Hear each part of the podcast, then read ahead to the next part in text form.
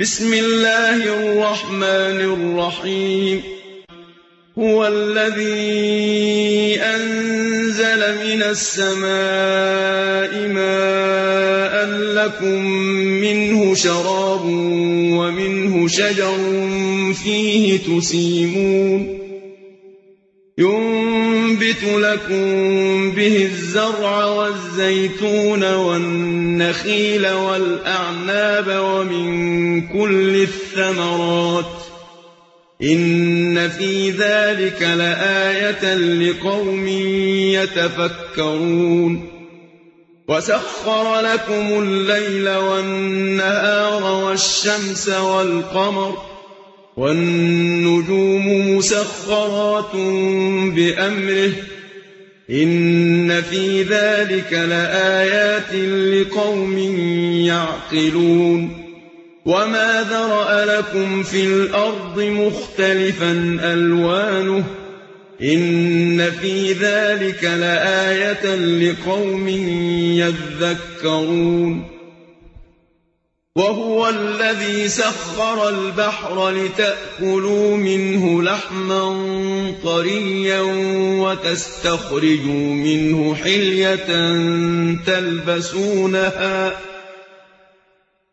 وتستخرجوا منه حلية تلبسونها وترى الفلك مواخر فيه ولتبتغوا من فضله ولعلكم تشكرون وألقى في الأرض رواسي أن تميد بكم وأنهارا وسبلا لعلكم تهتدون وعلامات وبالنجم هم يهتدون أفمن يخلق كمن لا يخلق أفلا تذكرون وإن تعدوا نعمة الله لا تحصوها إن الله لغفور رحيم. تعالى نحمده ونستعين به ونستغفره ونعوذ بالله تعالى من شرور أنفسنا وسيئات أعمالنا.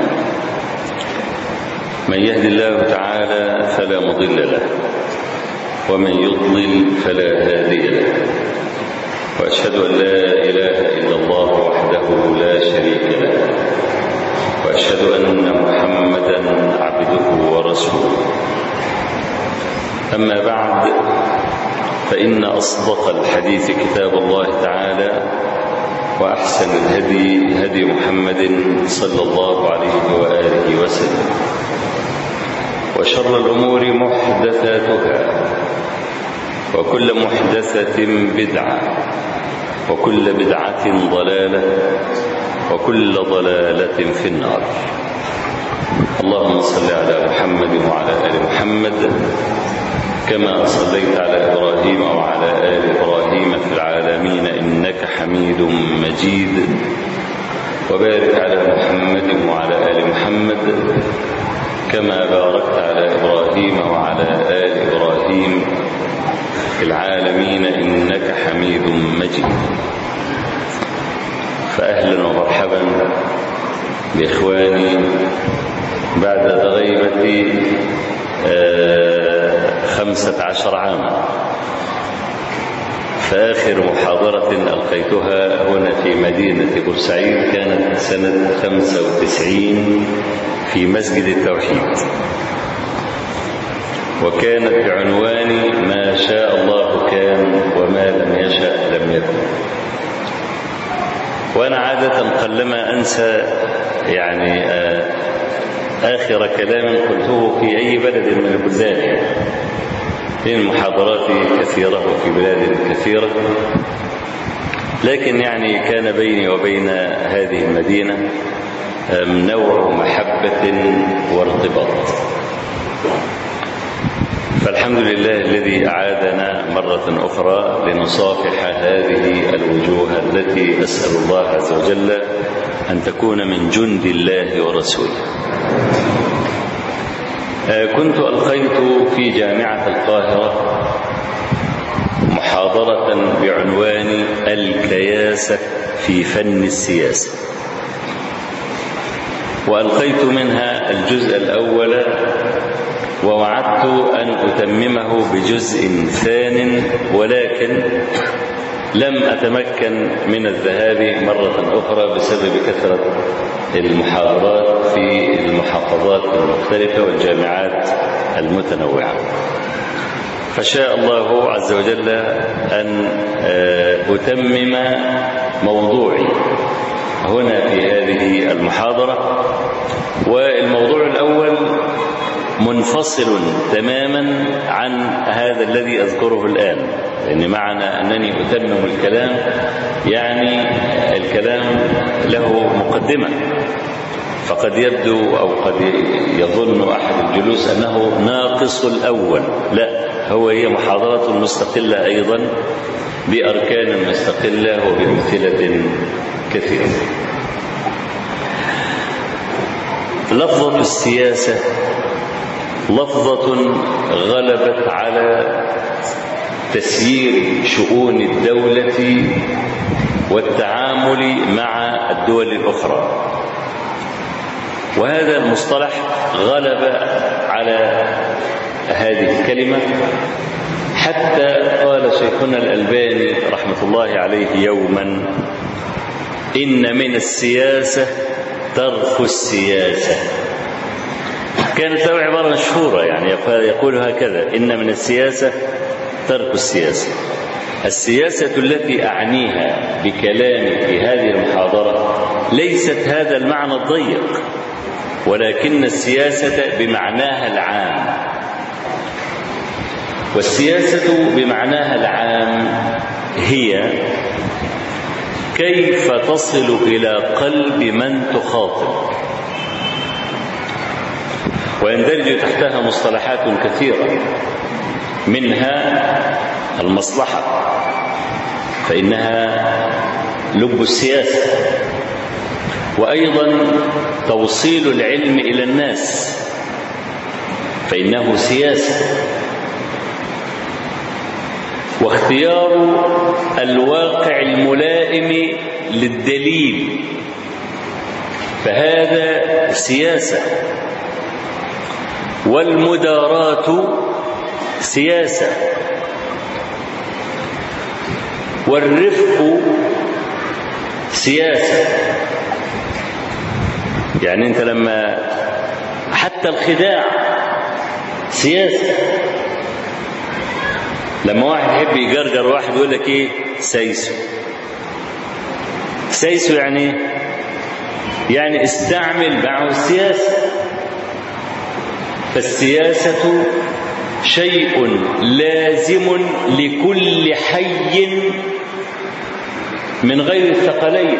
الدواب والحشرات والكلام ده ما هي الحرباية لما بتلون نفسها إذا كانت على شجرة خضرة بتبقى خضر إذا كانت في الصحراء بتبقى صفرة. ما دي سياسة. ليه؟ حتى تنقذ نفسها. تبقى هي بلون الشجر بلون الصحراء. فالسياسة هي الحياة. ولذلك جعلت عنوان المحاضرة الكياسة أي الفطنة والعقل في فن السياسة. نحن خسرنا كثيرا جدا على مستوى الأفراد مستوى الجماعات والمستوى الدولي بفشلنا في السياسة. والذي يعنيني هو المجال الدعوي. أننا ندعو الناس إلى الحق. فهذه تحتاج إلى سياسة. ألم يقل النبي صلى الله عليه وسلم يوما كما في حديث أبي مسعود البدري رضي الله عنه. وقال له رجل يا رسول الله إني لا أدرك الصلاة مما يطيل بنا فلان. فغضب النبي صلى الله عليه وسلم غضبا لم يغضبه قط. وقال أيها الناس إن منكم منفرين. أهو لا يعرف السياسة. الذي ينفر لا يعرف السياسة. وتستغرب من كلام الرجل وشكواه. يقول إني لا أدرك الصلاة مما يطيل بنا فلان. أي بسبب أن فلان يطيل الصلاة. لا. طب هو أنت لما يكون مثلا يعني أنا أقرأ في صلاة العشاء بسورة البقرة في الركعة الأولى. وأنت في أي طرف من أطراف البلد مش ده مدعاه لأن تدركني في الركعة الأولى؟ ولا لا؟ هو بيقول له بقى بسبب إنه بيطول أنا ما بلحقش. طب إزاي الكلام ده يجي؟ هو بقى لأنه لا يستطيع أن يقف وقتا طويلا في الركعة الأولى فيوم يقدر في ذهنه.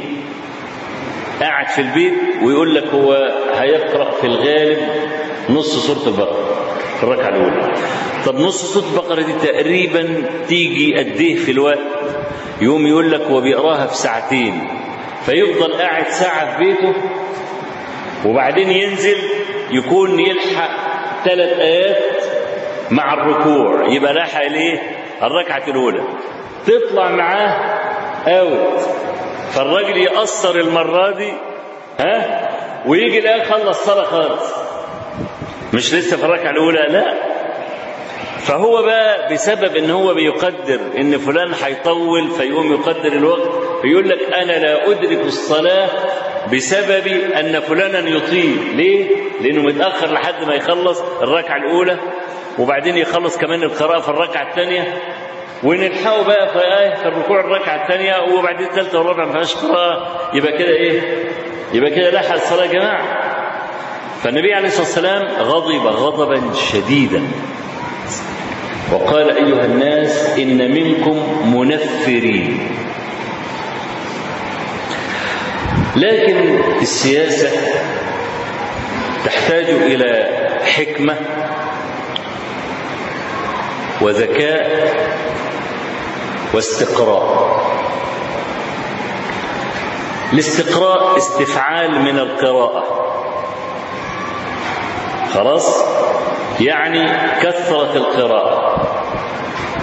وأنا لا أعني القراءة بمفهومها المحدود الذي يتبادر إلى الأذهان أنك تقرأ في كتب العلم. لا. أن تقرأ نفوس الناس في وجوههم. وهذا من الكياسة بمكان.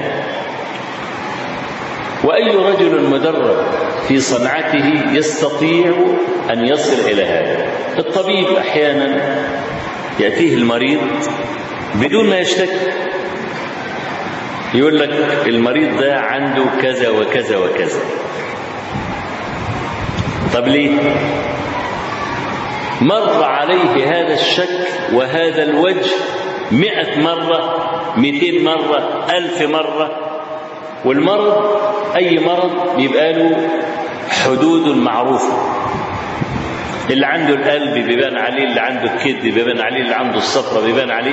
بتبقى علامات يستطيع أن يدركها الطبيب المتأمل الممارس لفترة طويلة.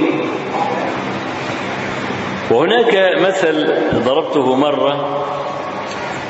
كنت أسكن في القاهرة في مكان ورش. وكان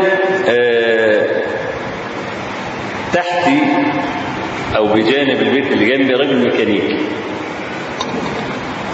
فأنا كنت ساكن على الاوتوستراد اللي هو شارع النصر في المنصة في القاهرة اللي بيوديك إلى حلوان والملك الصالح والجماعة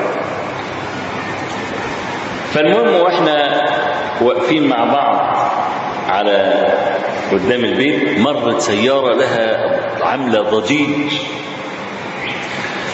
فهو قال لي السيارة دي البتاع اسمها الكارونا الكارونا بتاعتها ما فيهاش شحن. وده كله حديد بياكل في بعضه. خلاص معلومة وانتهت يعني. واحد بيبين لي إنه راجل ماهر ده الغريب إن الراجل ده كان جاي لهذا الميكانيكي أول ما شافه هو عارف لون العربية. أول ما شافه قال له بص بقى أنت مشكلة عربيتك إن الكورونا بتاعتك ما فيش فيها زيت ولا شحم وبتاكل في بعضها وعاملة صوت وحش. الراجل واقف بهت. قال له إيه اللي عرفك؟ قال له معلش دي شغلتي بقى. تمام؟ هات يا واد يا بليا افتح ال... فتح بليا الموضوع طلع زي القلب بالظبط. الميكانيكي ده مدة صنعته أربعون سنة. طب الصبي بتاعه لو العربية ولعت جنبه هيعرف العربية في إيه؟ مش عارف حاجة. ده أربعون عاما يعمل في هذه المهنة. خلاص. بقى أنا أعرف الصوت نفسه وأميز. لو سمعت صوت معين في السيارة في الموتور أقول لك ده جاي من الحتة الفلانية. بدون ما أجيب لك بقى مت... آلة وأكشف لك عليها والكلام ده. فالاستقراء أو الفهم ده في كل الصناعات وليس في العلم وحده. كل ما الإنسان بيكبر في السن مع محبته لمهنته ينجح فيها. عشان كده إحنا بنقول لشبابنا في الدعوة استفيدوا بخبرة الشيوخ. ويستفيد الشيوخ بسواعدكم. لأن نفس المرحلة التي مر بها الشباب نحن مررنا بها.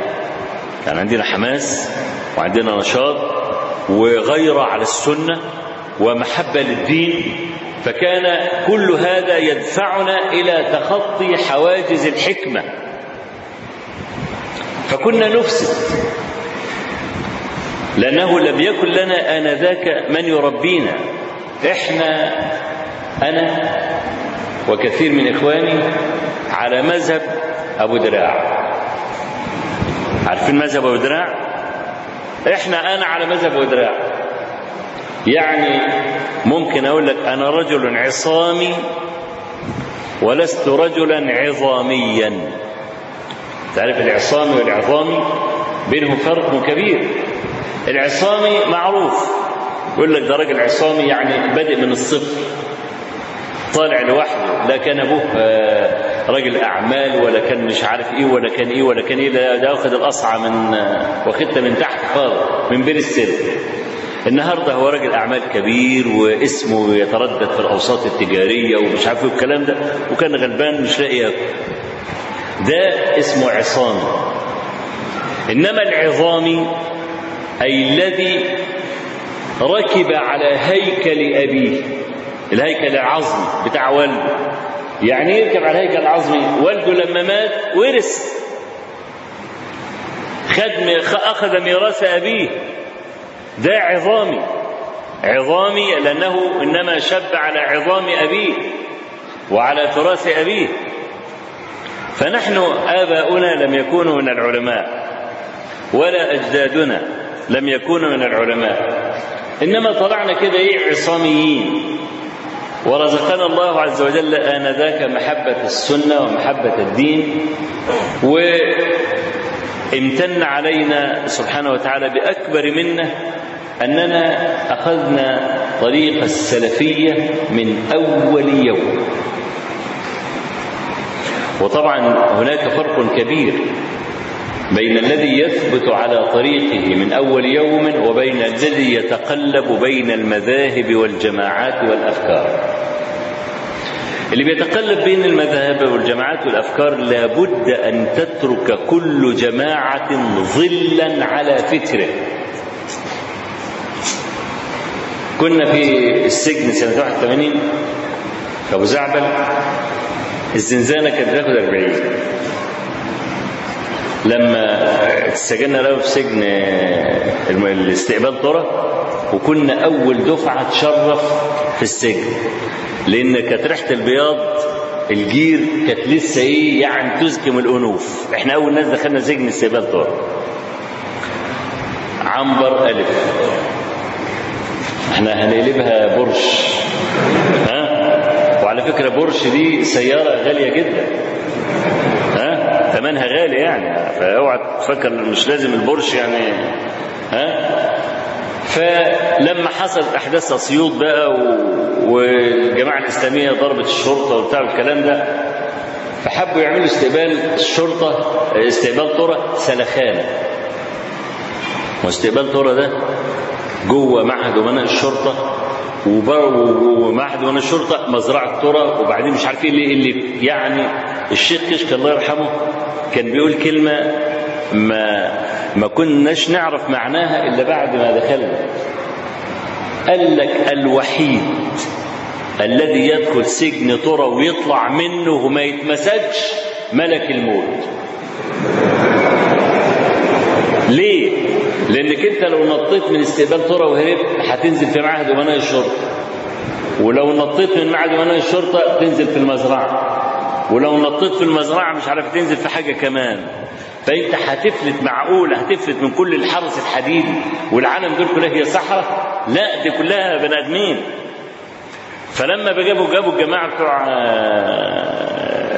الأسيوط عشان يعملوها سلخانة بقى والكلام ده ودونا أبو زعل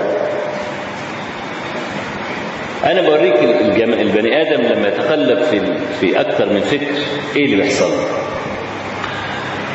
في الاستقبال كان كل جماعة مع بعضها. يعني كان ما كانش فيه تقريبا في مصر آنذاك إلا ما يسمى بالجماعة الإسلامية في الجامعات وكانت سلفية مئة بالمئة. ما كانش حد مش سلفي في الجامعات. كان صوت الق... كان جامعة القاهرة بتطلع كتاب اسمه صوت الحق واسكندرية بتطلع كتاب اسمه السلفيون يتحدثون. تحت العنوان ده وتحت العنوان ده كانوا ينشروا كتب ابن القيم وابن تيمية والكلام ده. فكان السجن كله عبارة عن مذهب واحد. بس كان معنا إيه؟ الجماعه الفرماويه الفرماويه ده أنا شفت الفرماوي مؤسس الجماعة كان سنه حوالي قرب 90 سنة. وكان الجهاز التنفسي بتاعه تقريبا صلاحيته بدأت تخلص. كانوا الزنزانة يعني فيها دورة المية جدار نص وطبعا الشباك عالي جدا في أعلى جنب السقف. فكان الراجل علشان يتنفس كان يقعدوه فوق الجدار ويحط مناخيره بره في الشباك عشان يجي له الهواء منين؟ من بره على طول. واخد بالك؟ ليه؟ زحمة الزنزانة وكتر النفس مش يخلي ما فيش أكسجين في في الزنزانة. المهم إن لما حبوا ينقلونا بيصورونا. فالفرماوي أفتى بإن التصوير حرام. التصوير حرام خلاص. الفرماية كانوا حوالي 20 30 واحد في السجن كله. اتجمعوا في زنزانة واحدة 10 بتاخد 10 مساجين وعملوا كتلة بشرية خلف الباب. لأن شيخه قال لهم التصوير حرام. فرافضين يتصوروا. السجن كله بيترحل وبيتصور ودول مصرين ما يتصوروش. عشان التصوير حرام. فقاموا موقفين عسكري على باب الزنزانة علشان يمنعوا عنهم الأكل والشرب وبالتالي لازم يفتحوا الزنزانة وإلا هيموتوا من الجوع. فكان الشيخ مصطفى درويش الله يرحمه كان رئيس أنصار السنة في سوهاج كان في الزنزانة اللي فوقهم في الدور الثالث قال يعني بقى إحنا هنسيب إحنا مختلفين عنهم في الفكر صحيح. بس هنسيب الطاغوت يموتهم الجوع. إحنا لازم نوصل لهم أكل. فكانوا يجوا من الشباك من ورا ما هو الفرماوي أنا قلت لك إنه قاعد على إيه؟ على الجدار الوسطاني وماسك البتاع وبيشم هوا. ما هو أنا قلت لك الجهاز التنفسي بتاعه إيه؟ صلاحيته قربت إيه؟ قربت تخلص واحد دخل على التسعين. تمام؟ فيقوم الشيخ مصطفى درويش يقطع البطانية ويربط فيها عيش وحلاوة وينزلها من ورا. يقوم الفرماوي يمد إيده في الهواء ويجيب عيش ومد إيده ويجيب حلاوة ويدي لمين؟ للجماعة بتوعه قال طب الراجل ده جابها منين؟ فازدادوا به تمسكا وانه ولي إذا كان ده بيمد إيده للسماء يجيب عيش يمد إيده للسماء يجيب حلاوة يبقى الراجل ده يبقى فازدادوا به تمسكا شوف يا أخي سبحان الله يعني إذا أراد الله شيئا هيا أسبابه شوف لما واحد يعني والقصة كلها إيه؟ إن قال لك إحنا مش هنسيبهم بيتهم الجوع، لازم نديلهم وناكلهم وحاجات زي كده. فللعمله بتاع الفرمويه دول إدارة السجن اتخذت قرارا لما حبت تنقلنا لابو زعبل. ده اللي خلاني أحكي لكم قصة فرمويه. قال لك كل زنزانة نحط فيها ثلاث اتجاهات. ما نحطش السلفيين مع بعض ولا التكفير مع بعض ولا الفرامية مع بعض ليه؟ ممكن يشكلون حزبا ممكن يعملوا قوة ضاغطة على إرادة على إدارة السجن تعمل لنا مشاكل أحسن حاجة أن يكونوا شركاء متشاكسين. نحط شوية تكفير على شوية سلفيين على شوية تبليغ على شوية فرموية في زنزانة واحدة وقد كان. فكان معنا 17 واحد تكفير. وإحنا كنا حوالي 14 واحد سلفي واثنين فرموية وما أعرفش كمان واحد ولا اثنين إيه. المهم إيه؟ كانت تشكيلة كده. أول ما دخلنا بيان. إحنا دلوقتي أصبحنا شركاء في زنزانة واحدة. نعد البلاط ونشوف حق كل واحد كم بلاط. ما هم شركاء متشاكسون. تكفير عايز حقه في السكن. ما هو. ما هو تمليك ما هو تمليك انت ما كنتش عارف هتخرج انت فهي تمليك بقى. فنعد البلاطة بقى. يطلع له كل واحد مثلا بلاطة إلا ربع. فيبقى التكفير واخد له مثلا جانب كده وإحنا واخدين جانب كده والفراميه واخدين حتة قد كده. المهم الدنيا مشيت. هم لوحدهم بياكلوا وإحنا لوحدنا بناكل والفراميه لوحدهم بياكلوا وبتاع والكلام ده ومضى يوم ثلاثة أربعة. الجماعة التكفير يصبحوا الصبح يلعبوا رياضة. عندهم برنامج. طب إحنا نايمين. ويلعبوا رياضة إيه؟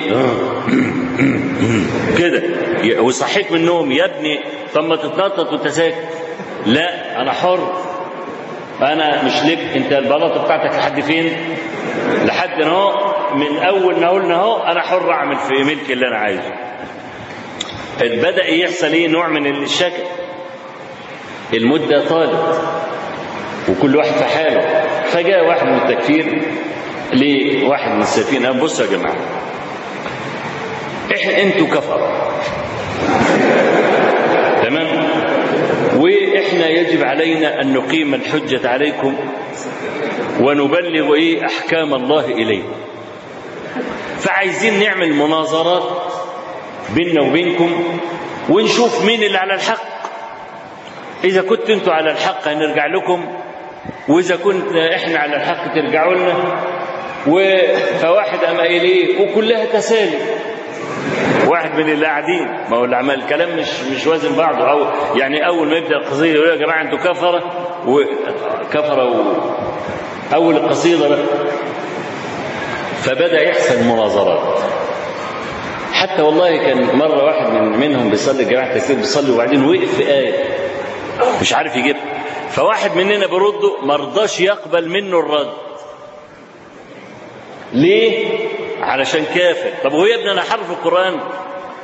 يعني هو واقف في آية مش عارف يكملها. فواحد من إخواننا اللي قاعدين قام مكملها له. إحنا ما كناش بنصلي.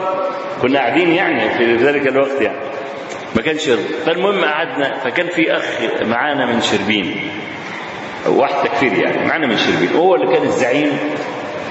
هو اللي كان المناصر. حصل مناظرات وبتاع بيننا وبينهم طويله وفضلت المناظرات لحد ما أنا خرجت وإخواني كانوا لسه بعدية خرجوا بعدية بشوية.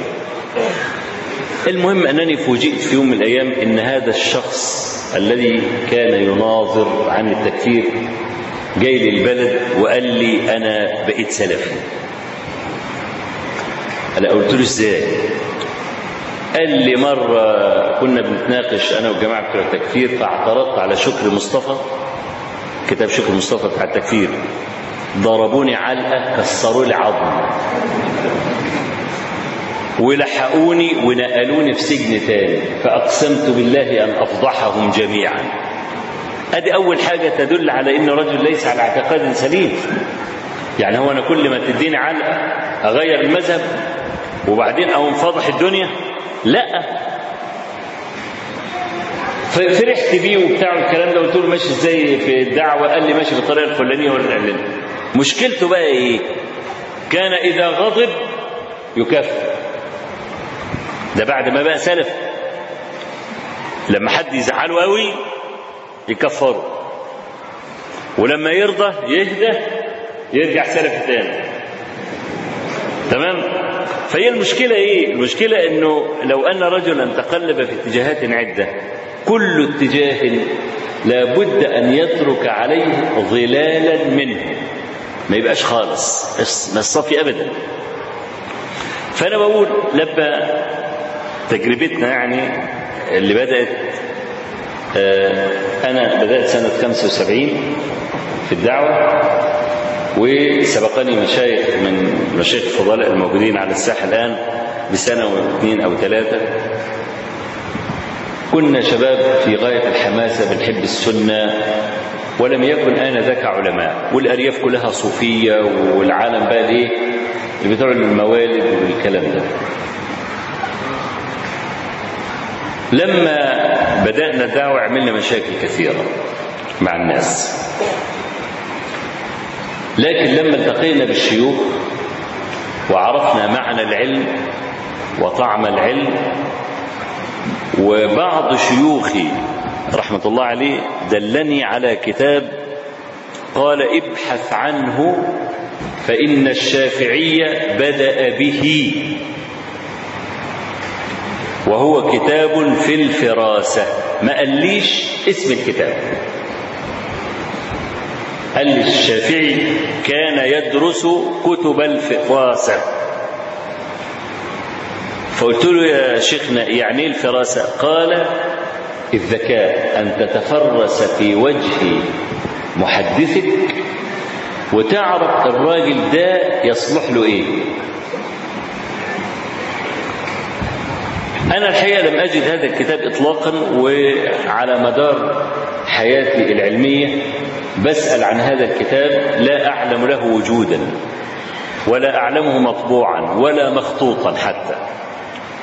فلا أدري هل كان كتابا أم إن الشافعي كان يجمع ما يجده من الحكايات في كتب أخبار الناس وأخبار العلماء والكلام ده. لكني اعتنيت بهذا اللون من العلم. فوجدت السياسة كلها مبنية على الفراسة. فبدأت ألم بقى.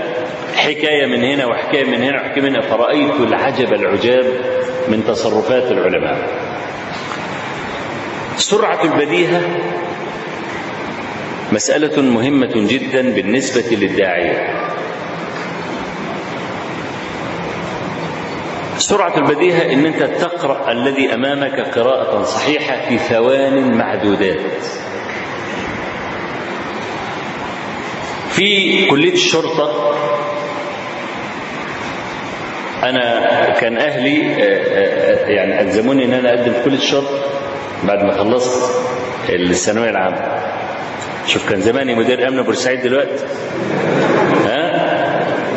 ولا كان زماني حطيتكم كلكم في السجن؟ ها؟ الله أعلم. المهم رحت هناك وتجاوزت الامتحانات وعديت وما فيش اطلاقا أي مشكلة. في حاجة هناك كانوا يسموها اختبار هيئة.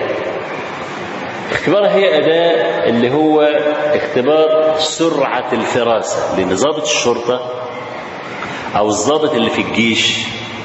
إذا ما كانش عنده سرعة فراسه في اتخاذ القرار ممكن يضيع كل اللي وراه. نفترض إن أنا ضابط جيش مثلا ومعايا خطة ماشي بيها. فجأة العدو طلع لي بخطة جديدة أنا مش عامل حسابي عليها اطلاقا. إيه اللي ممكن أعمله يعني؟ لابد أن أتصرف حتى أنقذ جنودي ومعداتي أو أطلع بأقل قدر من الخسائر.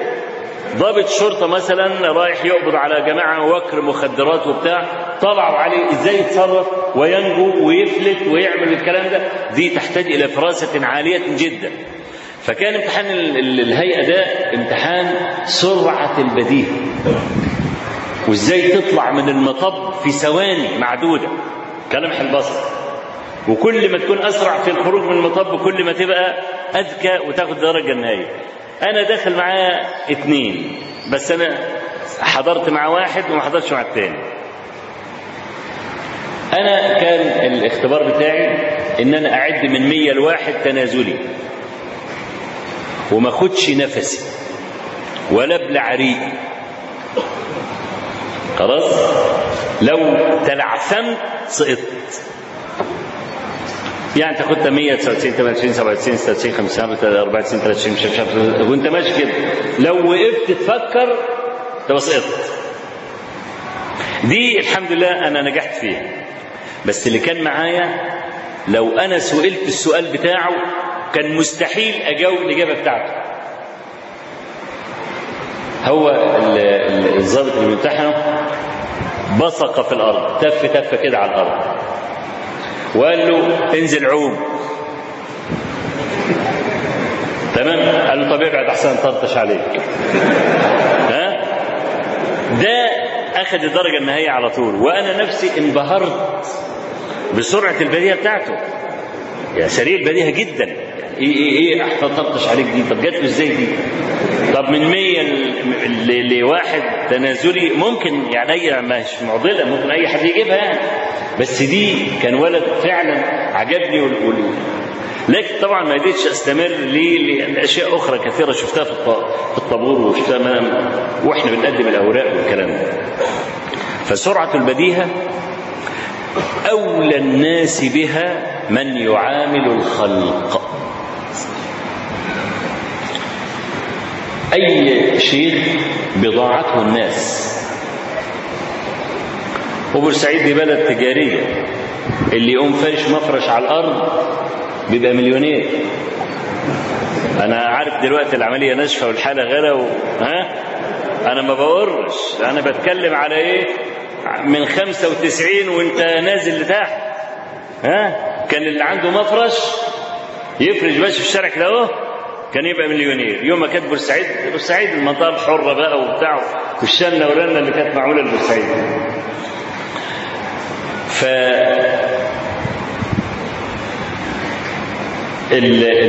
رأس مال الشيخ الناس. فانتوا كبلد تجاري لما بتنزل السوق رأس مالك الايه؟ المال. لما تطلع خسران صفقة من السوق ترجع زعلان.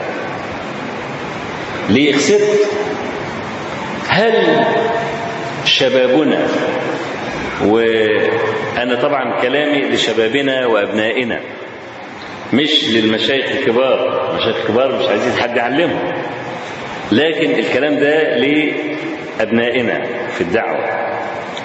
هل لما أنت بتزعل حد وتعمل مشكلة هل بتشعر وأنت راجع البيت إن أنك خسرت صفقة؟ وتشعر بحزن كما يشعر التاجر إذا خسر صفقة في السوق. إذا لم يدخل قلبك هذا الشعور فينبغي أن تراجع نفسك.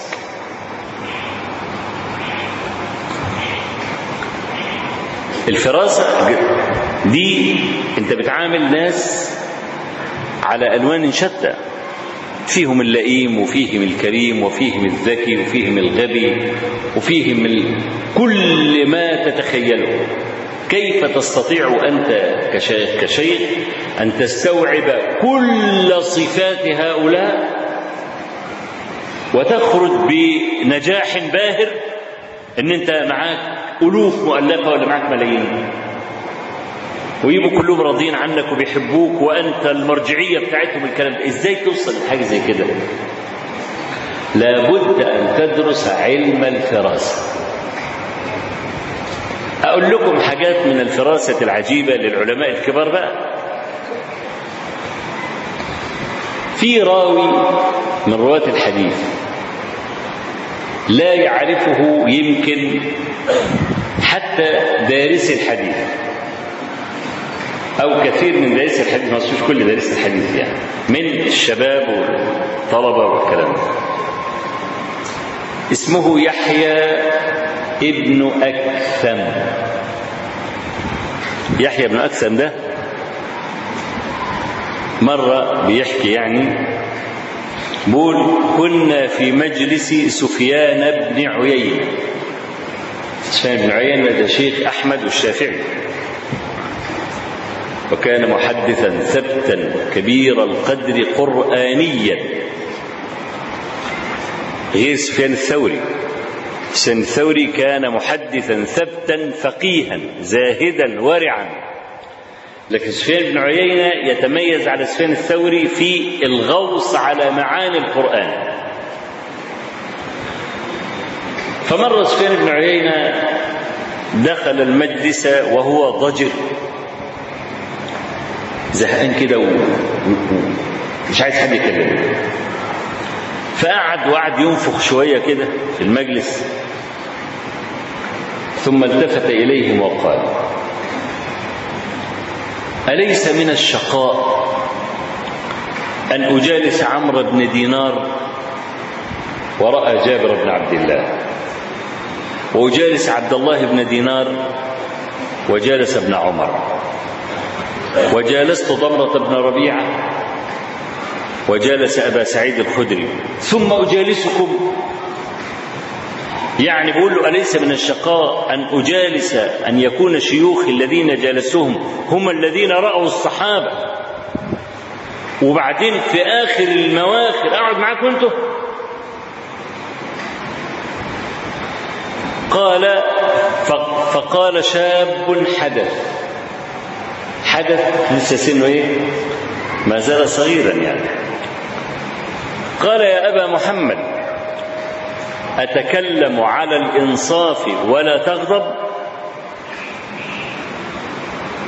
قال نعم.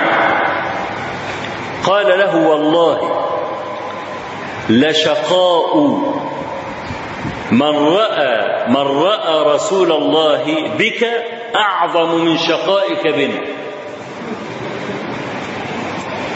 قال له ده, ده اللي شافه النبي اللي شافه اللي شافه النبي. ده انت كنت عبء عليهم أكثر مننا عليك ها؟ لشقاء من راى من رأى رسول الله صلى الله عليه وسلم بك أعظم من شقائك بنا. فكأنما ألقمه حجر. ما عادش ما عادش عارف يتكلم. ما فعلا حجة يعني قوية. ثم سكت قليلا وقال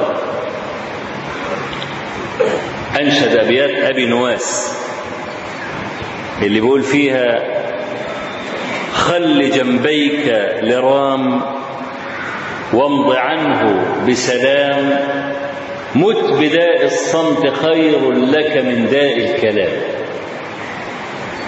خل جنبيك لرام رام يعني رام. اللي هو عمال يرمي إيه؟ كده. وامض عنه بسلام. أحسن ينشك إيه؟ سهم ولا حاجة. مت بداء الصمت خير لك من داء الكلام. يعني كأن الشيخ بيقول يعني هو إيه اللي خلانا نتكلم في الساعة دي؟ عشان يطلع لي الولد يقول الكلمتين اللي حلاوة الدم دول. هو سفيان عايز يقول الكلمتين دول. ثم قال سفيان من الفتى؟ قالوا هذا يحيى بن أكثم. فقال إن هذا يصلح لمجالسة هؤلاء. السلاطين يعني. ليه؟ سريع البديهه واللي يقعد مع السلطان لازم يكون راسه كلها عيون. ليه؟ لأن السلطان إذا قص ما بقصش غير الرقب. ها؟ على طول. يعني على قد ما انت قريب من السلطان عمال تغرف من البحر بقى وتاخد فلوس وتاكل فانوذج وتاخد مش عارف إيه وتعبي وتسقع في الأرض ومش عارف إيه الكلام ده. لكن الغلطة بقطعة رقبة. على قدر الفائدة تكون العقوبة. فاللي يقترب من السلطان زي اللي بيروح ناحية الأسد. لازم يكون سريع البديهة ويعرف إزاي يتكلم. يعني جرير بن عطية. عارفين جرير اللي كان بيهجر فرزدق ها؟ أصحاب المناقضات. جرير بن عطية ده اللي هو مسك الفرزدق والأخطل ومسح ماء عصرهم كده اهو في الهجاء. حتى قالوا أنه لا يصبر أحد لهجاء جرير. ده بالكلمة رفع أباه إلى السماء. يفتخر بأبيه. طيب أبو ده يطلع إيه يبقى اللي قاعد يقول وأبي فعل وأبي مش عارف إيه وعمل وطلع وضرب جناحين وبنى فوق وتحت والكلام ده. أبوه ده يطلع إيه بقى؟ جرير ده. جرير ماشي هو واحد فلاقوا واحد نايم تحت معزة وبيرضع. ودقنه متعصى لبن وبتصر لبن وحنته كرب يعني تشوفه ترجع. فجرير بيقول لي اللي معاه بيقول له أتدري من هذا الذي يرضع من هذا من هذه الشاة؟ قال له لا. قال ذاك أبي. هو ده أبوك؟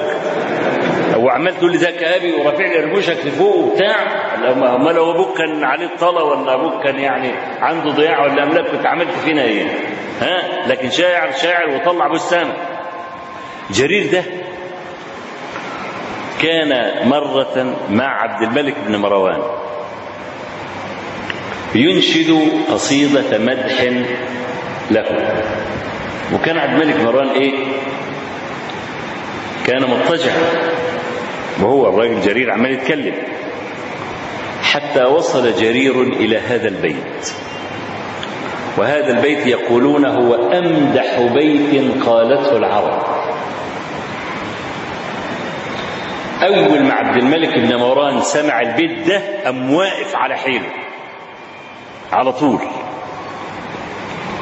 ليه؟ من روعة الكلام.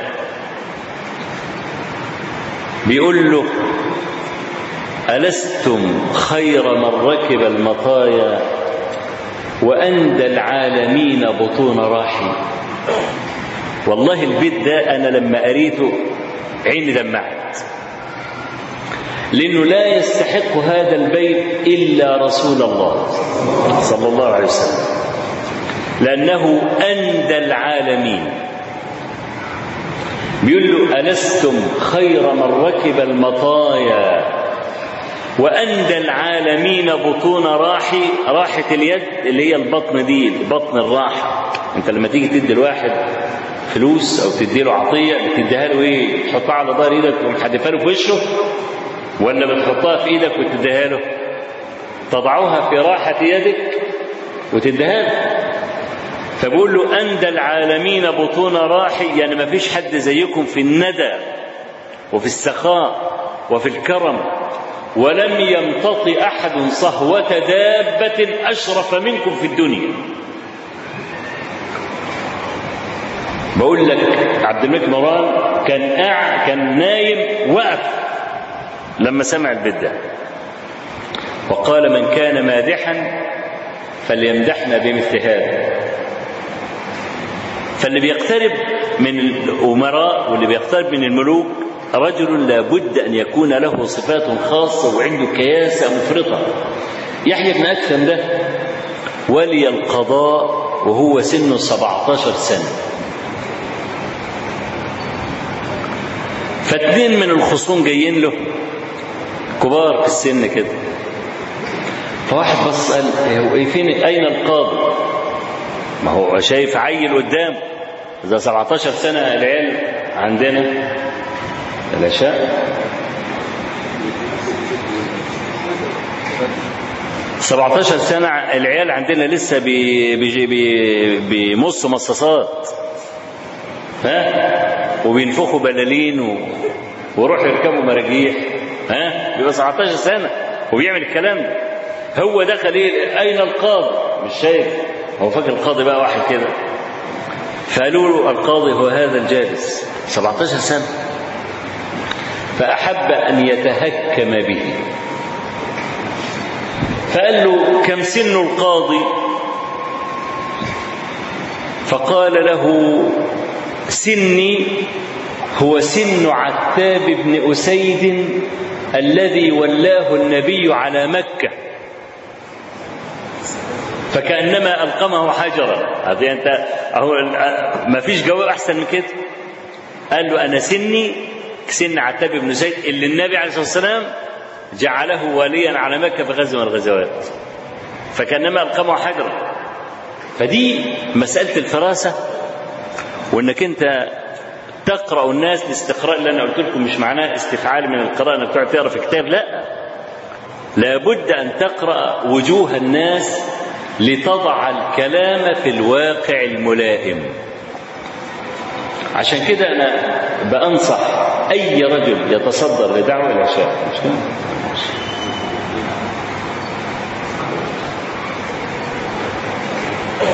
أنا أوصي. أبنائي من الشباب الدعاء قبل أن يدخلوا بلدا من البلدان لابد أن يعرفوا طبيعة البلد والدعوة السائرة في البلد قبل أن يدخلوها حتى لا يصطدموا بها لا سيما إذا كانت الدعوة إلى الكتاب والسنة بفهم السلف الصالح دعوة وليدة. وهذا شيء أنا جربته في بعض مراكز محافظة كفر الشيخ محافظتي. واستفدت هذه الفائدة من مجلس عام. جم الجماعة من المركز أحد مراكز المحافظة عندنا. وقال والله إحنا عايزينك تيجي علشان تدعو خطبة جمعة وتدي درس شهري وكلام من هذا القبيل. فذهبت إليهم وبعدين وإحنا بنتغدى جرى حوار بين الجلوس.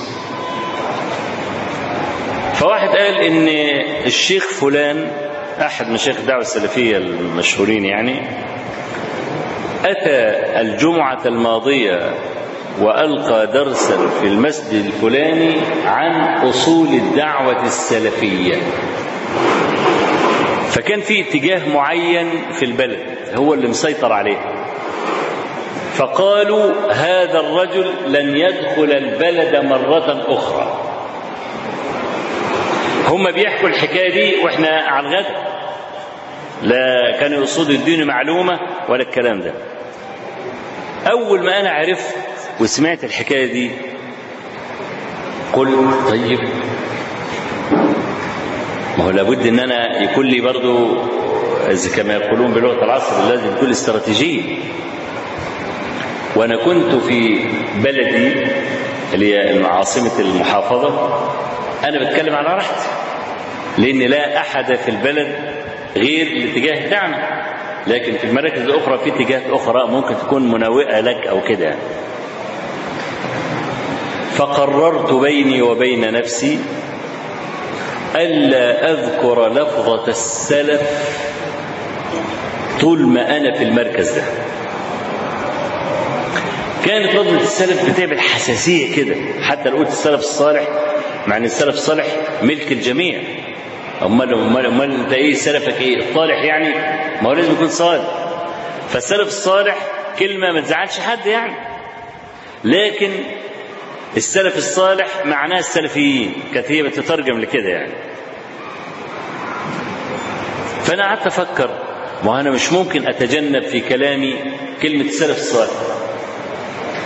ما لازم من السلف الصالح من الصحابة والتابعين وتابعيهم والأئمة المتبوعين ومن تبعهم بإحسان إلى يوم الدين. الكلام اللي إيه؟ اللي إحنا بنقوله على طول وماشي على لسانه. فقعدت أفكر إيه اللي ممكن أعمله حتى لا أهيج هذا الاتجاه ضدي فيقتلوا دعوتي وليدة. أنا عايز أقوي الدعوة بتاعتي لحد ما تبقى شجرة. لما يجي يحب يشدها يخلعها من الأرض ما يعرفش يخلعها. لكن لو أنا لسه يا دوبك بذرة وطالع على وش الأرض بورقتين يقدر يوم شديدني كده أهو ورميني ورا ظهري وقد رأيت خيرا عظيما في هذا البلد وشباب زي الفل. فأنا عايز إيه؟ يعني أواصل معهم. فقعدت أفكر أفكر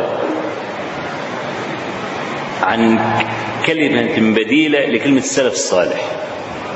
فجت الكلمة إيه اللي أنا كنت أقولها دايما في دروسي على منهج القرون الثلاثة الأول. ما القرون الثلاثة الأول اللي هم إيه؟ النبي صلى الله عليه وسلم عدلهم وزكاهم. قال خير الناس قرني ثم الذين يلونهم ثم الذين يلونهم. ده الرواية الصحيحة. في رواية فيها الشك في القرن الرابع بس إيه؟ هذا الشك لا يصح. هم ثلاث قرون بس. وبعدين اللفظ الصحيح للحديث الذي قلته أنا. وليس كما هو شائع بين الناس يقول لك خير القرون قرني لا كلمة القرون لم تثبت رواية في الحديث. إنما الذي ثبت في الحديث خير الناس قرني مش خير القرون.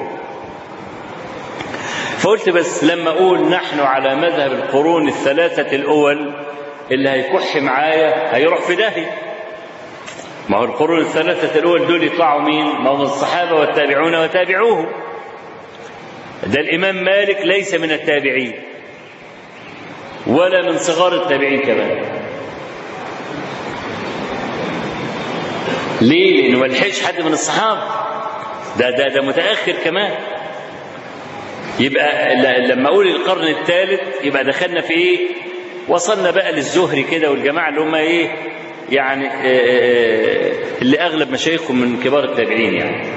وأدرك بعض الصحابة ولا حاجة. وبدأت أمشي وغبت أربع سنوات في البلد. الاتجاه الآخر بيحضر لي. ألاقي الرؤوس بتاعتهم وكان فيهم فضلاء. كان في اتجاه الآخر ناس فضلاء ناس ملتزمين بالسنة وعندهم ديانة. وعندهم زهد وكانوا هم قادة البلد وأنا أشهد لهم بهذا. يعني. وبدأ يجيبوا أتباعهم كمان علشان يحضروا. ابتعدت عن المسائل اللي فيها خلاف وتمسكت بمسائل الأصول والمنهج. وغبت أربع سنوات لا إشكال إطلاقا في هذا البلد. لحد ما بقت البلد كلها تبعي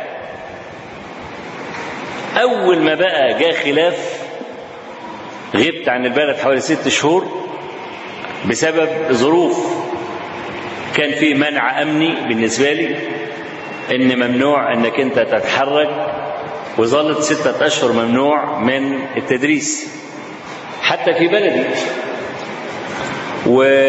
وفي بلدي وأنا في الستة أشهر دي الطلبة كنت بقعد معاهم على الرصيف. ما أنا المسجد أنا ممنوع منه. لكن الرصيف ما فيش حد منعني منه فيش قرار إن يمنعني من الرصيف. كنت أطلع من المسجد وأقعد على الرصيف والطلبة حواليا ماسكين الكتب.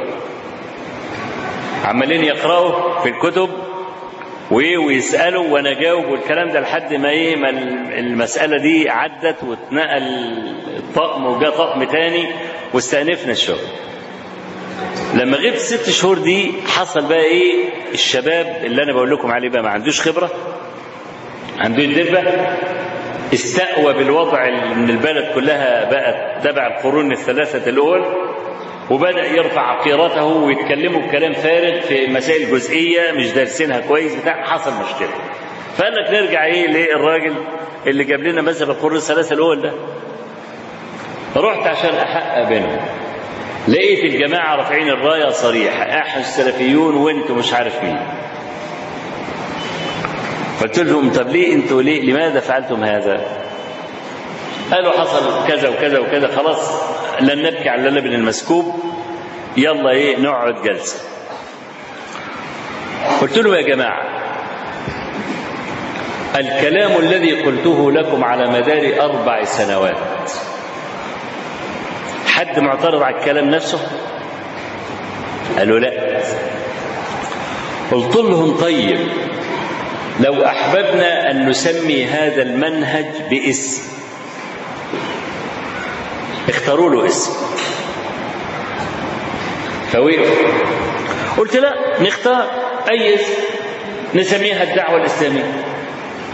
نسميها الدعوة النورانية. سمي أي حاجة. اختاروا اسم يا جماعة. فسكتوا. قلت لهم طيب أنا إيه رأيكم لو سميناها السلفية؟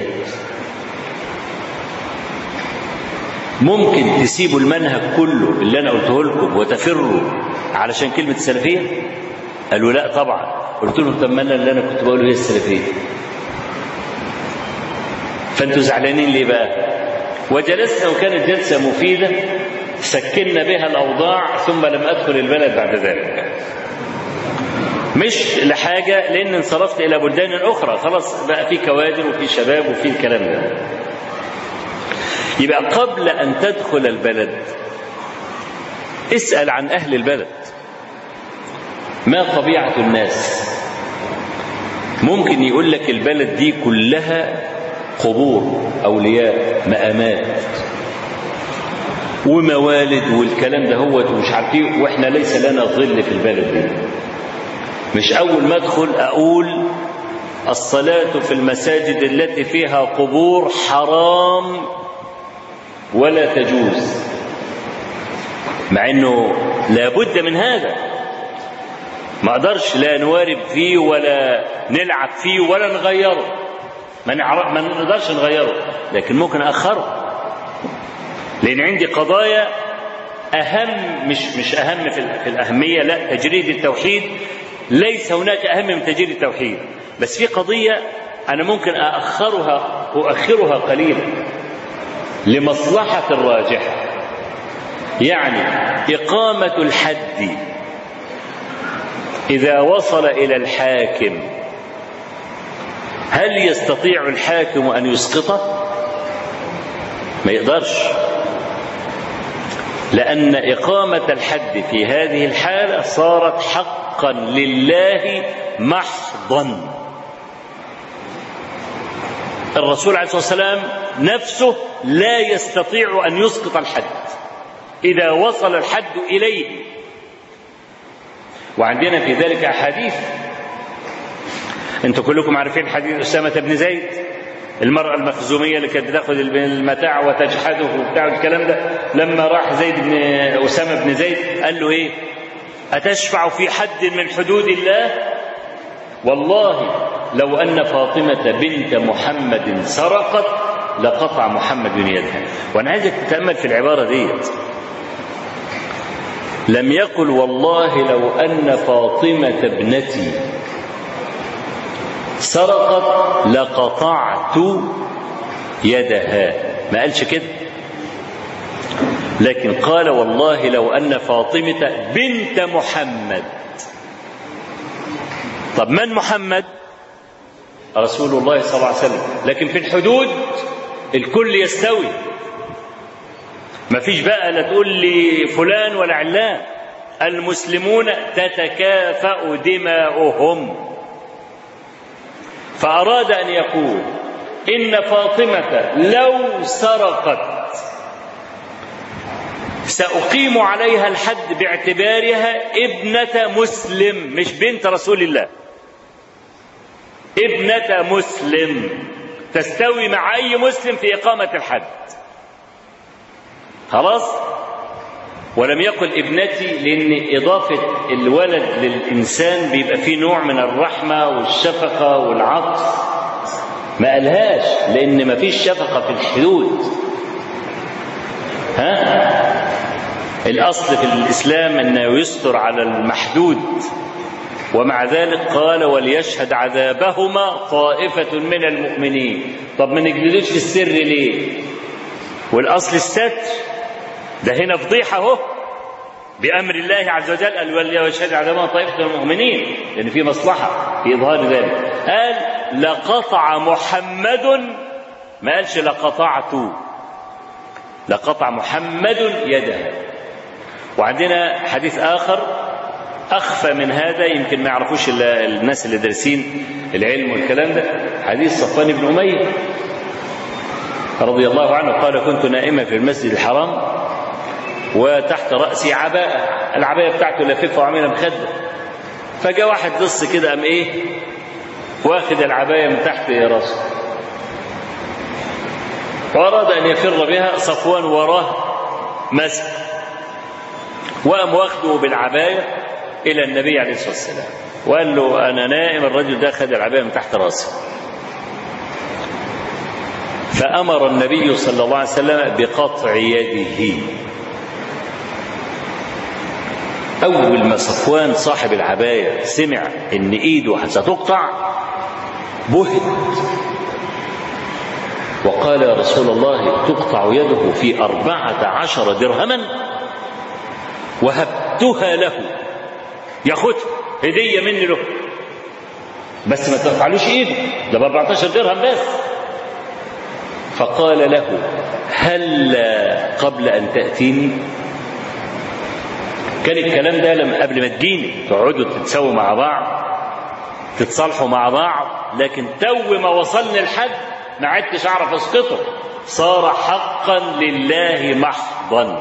لا يستطيع أن يسقطه. النبي عليه الصلاة والسلام نهى عن إقامة الحد في أرض العدو.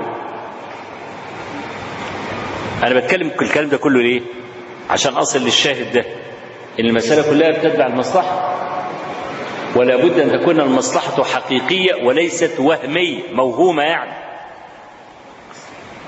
طب إقامة الحد إذا كان هو حق الله. في الغزو واحد سرق من حرز ما يتجاوز النصاب أو ما يبلغ النصاب. نقطع إيده. المفروض نقطع إيده. تو ما وصل لمين؟ تو ما وصل للأمير أو الحاكم. بدلالة الإيه؟ الحديثين اللي أنا قلتهم دلوقتي. طب النبي عليه الصلاة والسلام نهى أن يقام الحد على أحد في أرض العدو. سرق سرق ما يبلغ النصاب ما قطعش إيده. طب ليه؟ قال لك عشان مصلحتين. المصلحة الأولى إن أنا محتاج إيده.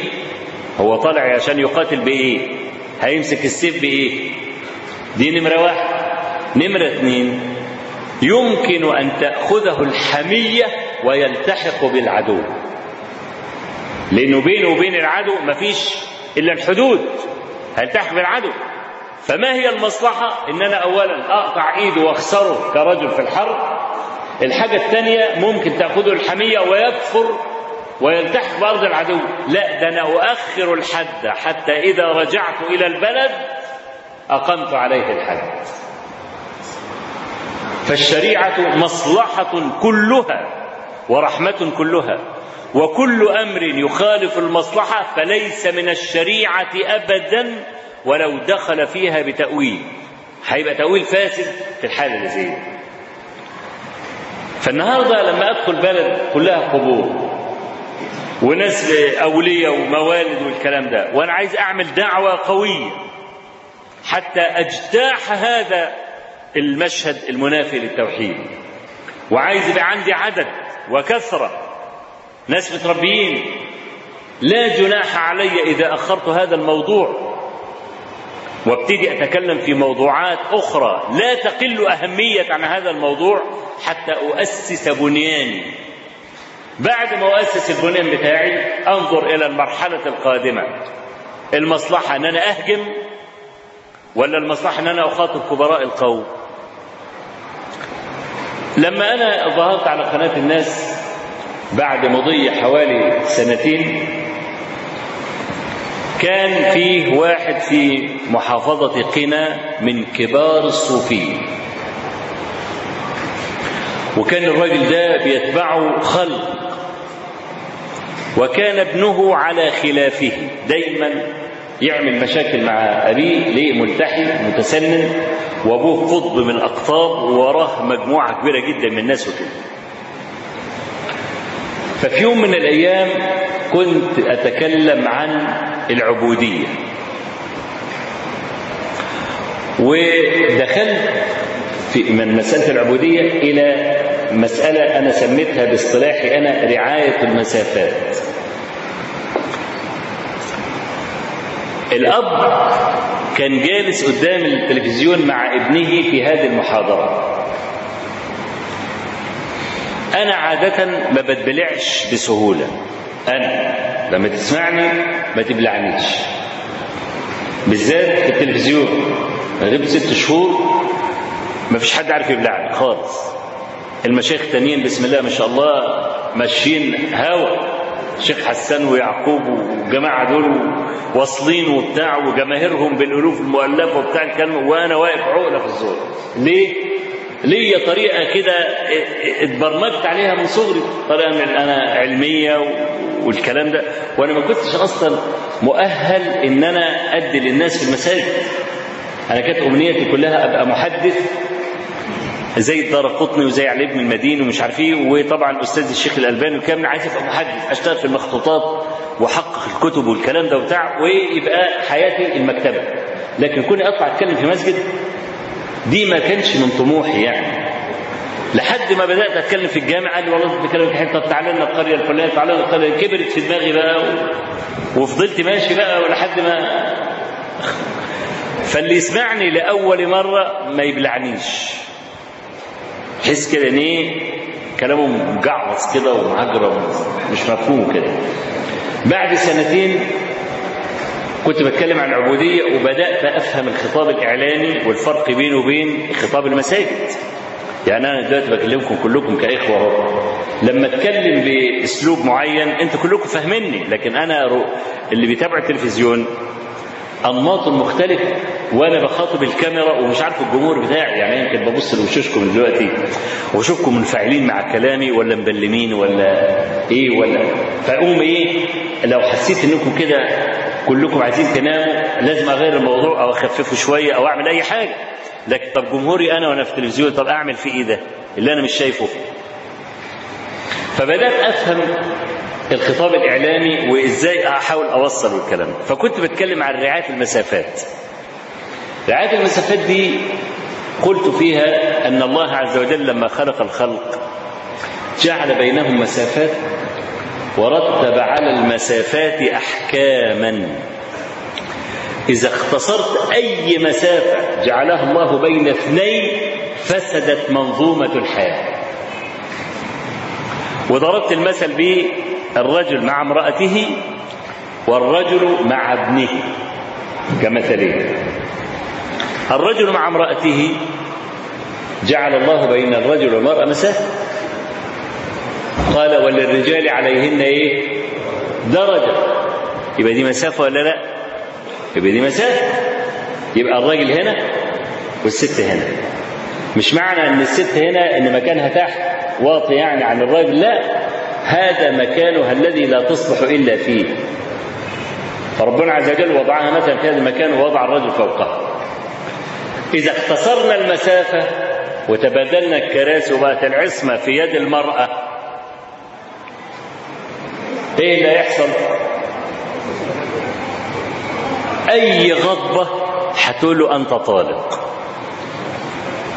لو غضبت منه أي غضب؟ هتطلقه فورا لكن لم يجعل الطلاق بيد المرأة. ليه؟ لأنها المرأة سريعة الغضب. وبعدين في أثناء غضبها قد تنسى جميل زوجها. وده مش كلام أنا أنا يعني مش عايز النساء يفكروا لأن في بعض النساء بيبعتوا يقولوا أنت معروف إن أنت ضد النساء وبتحبش النساء والكلام ده. لا ده أنا متجوز أربعة. فما فيش حد يقول لي بقى أنت عدو النساء. أنا لو عدو النساء كنت عشت عزبا. ها؟ عزب لوحدي كده ما كنتش بتاع.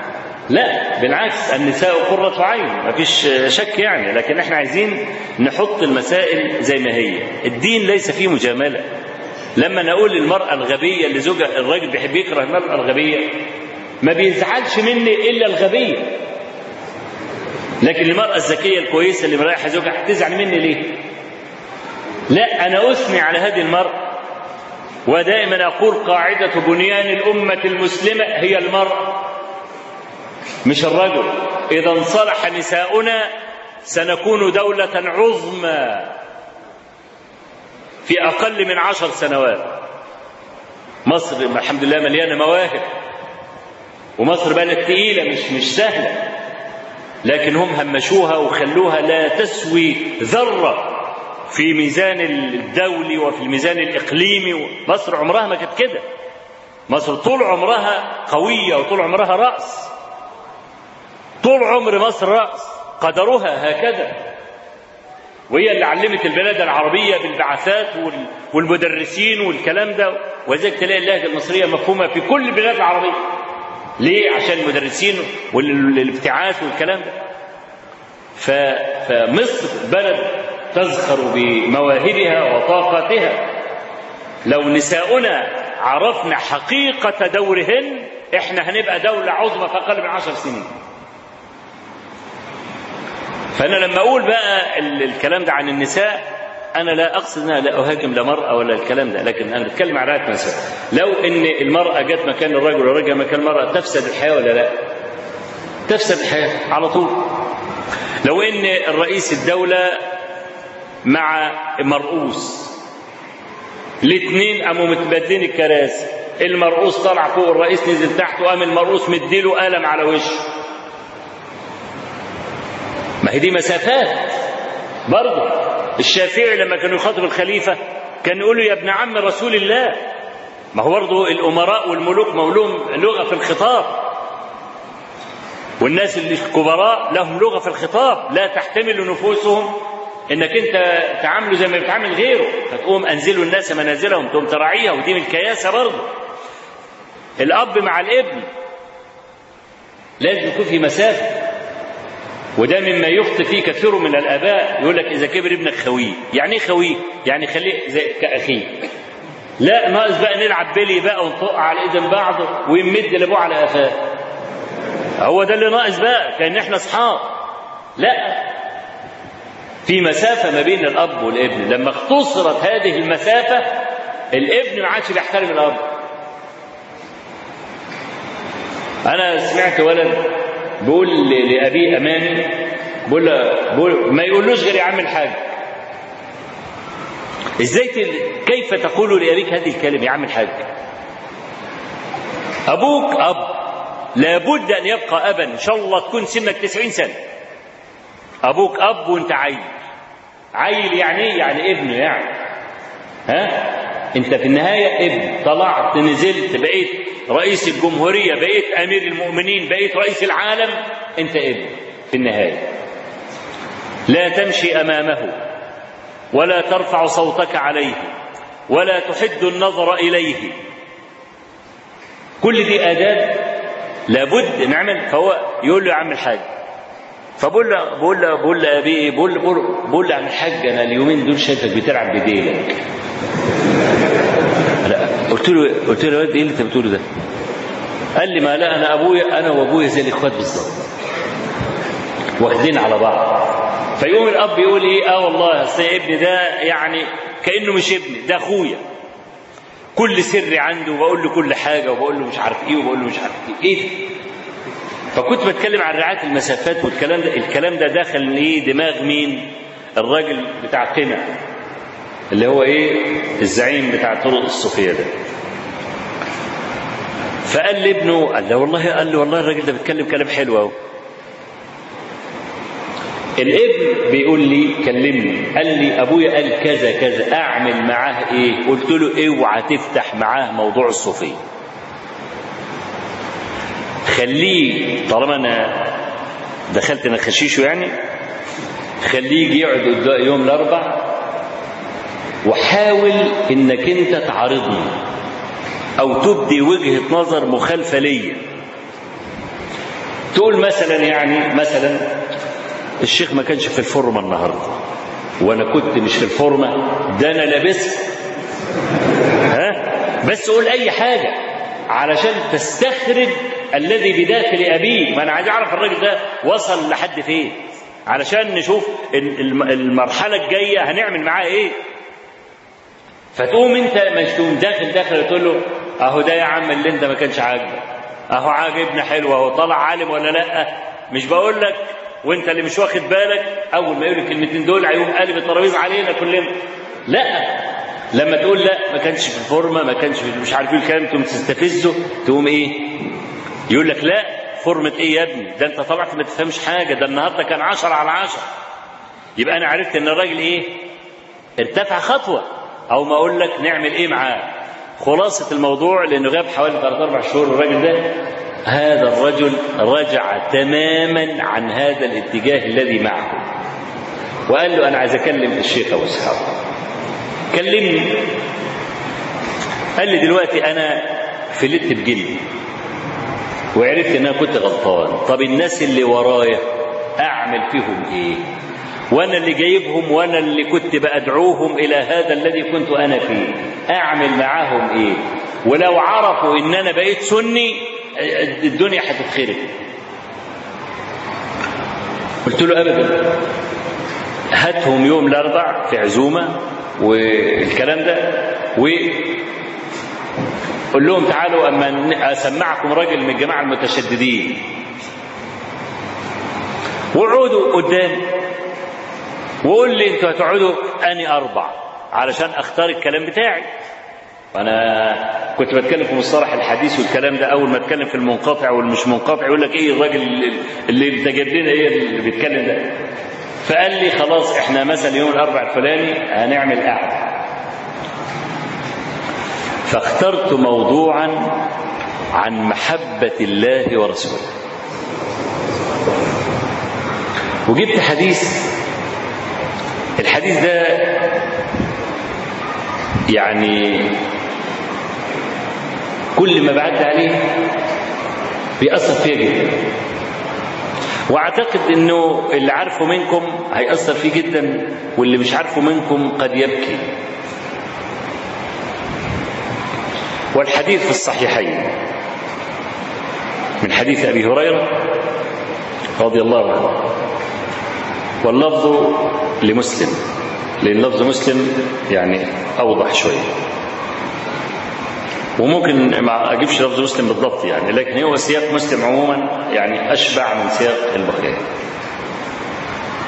قال صلى الله عليه وسلم إن من أشد أمتي لي حبا رجل يتمنى أن يراني بأهله وماله. ده معيار الحب. أغنى واحد النهارده في بورسعيد. عنده كم مليون؟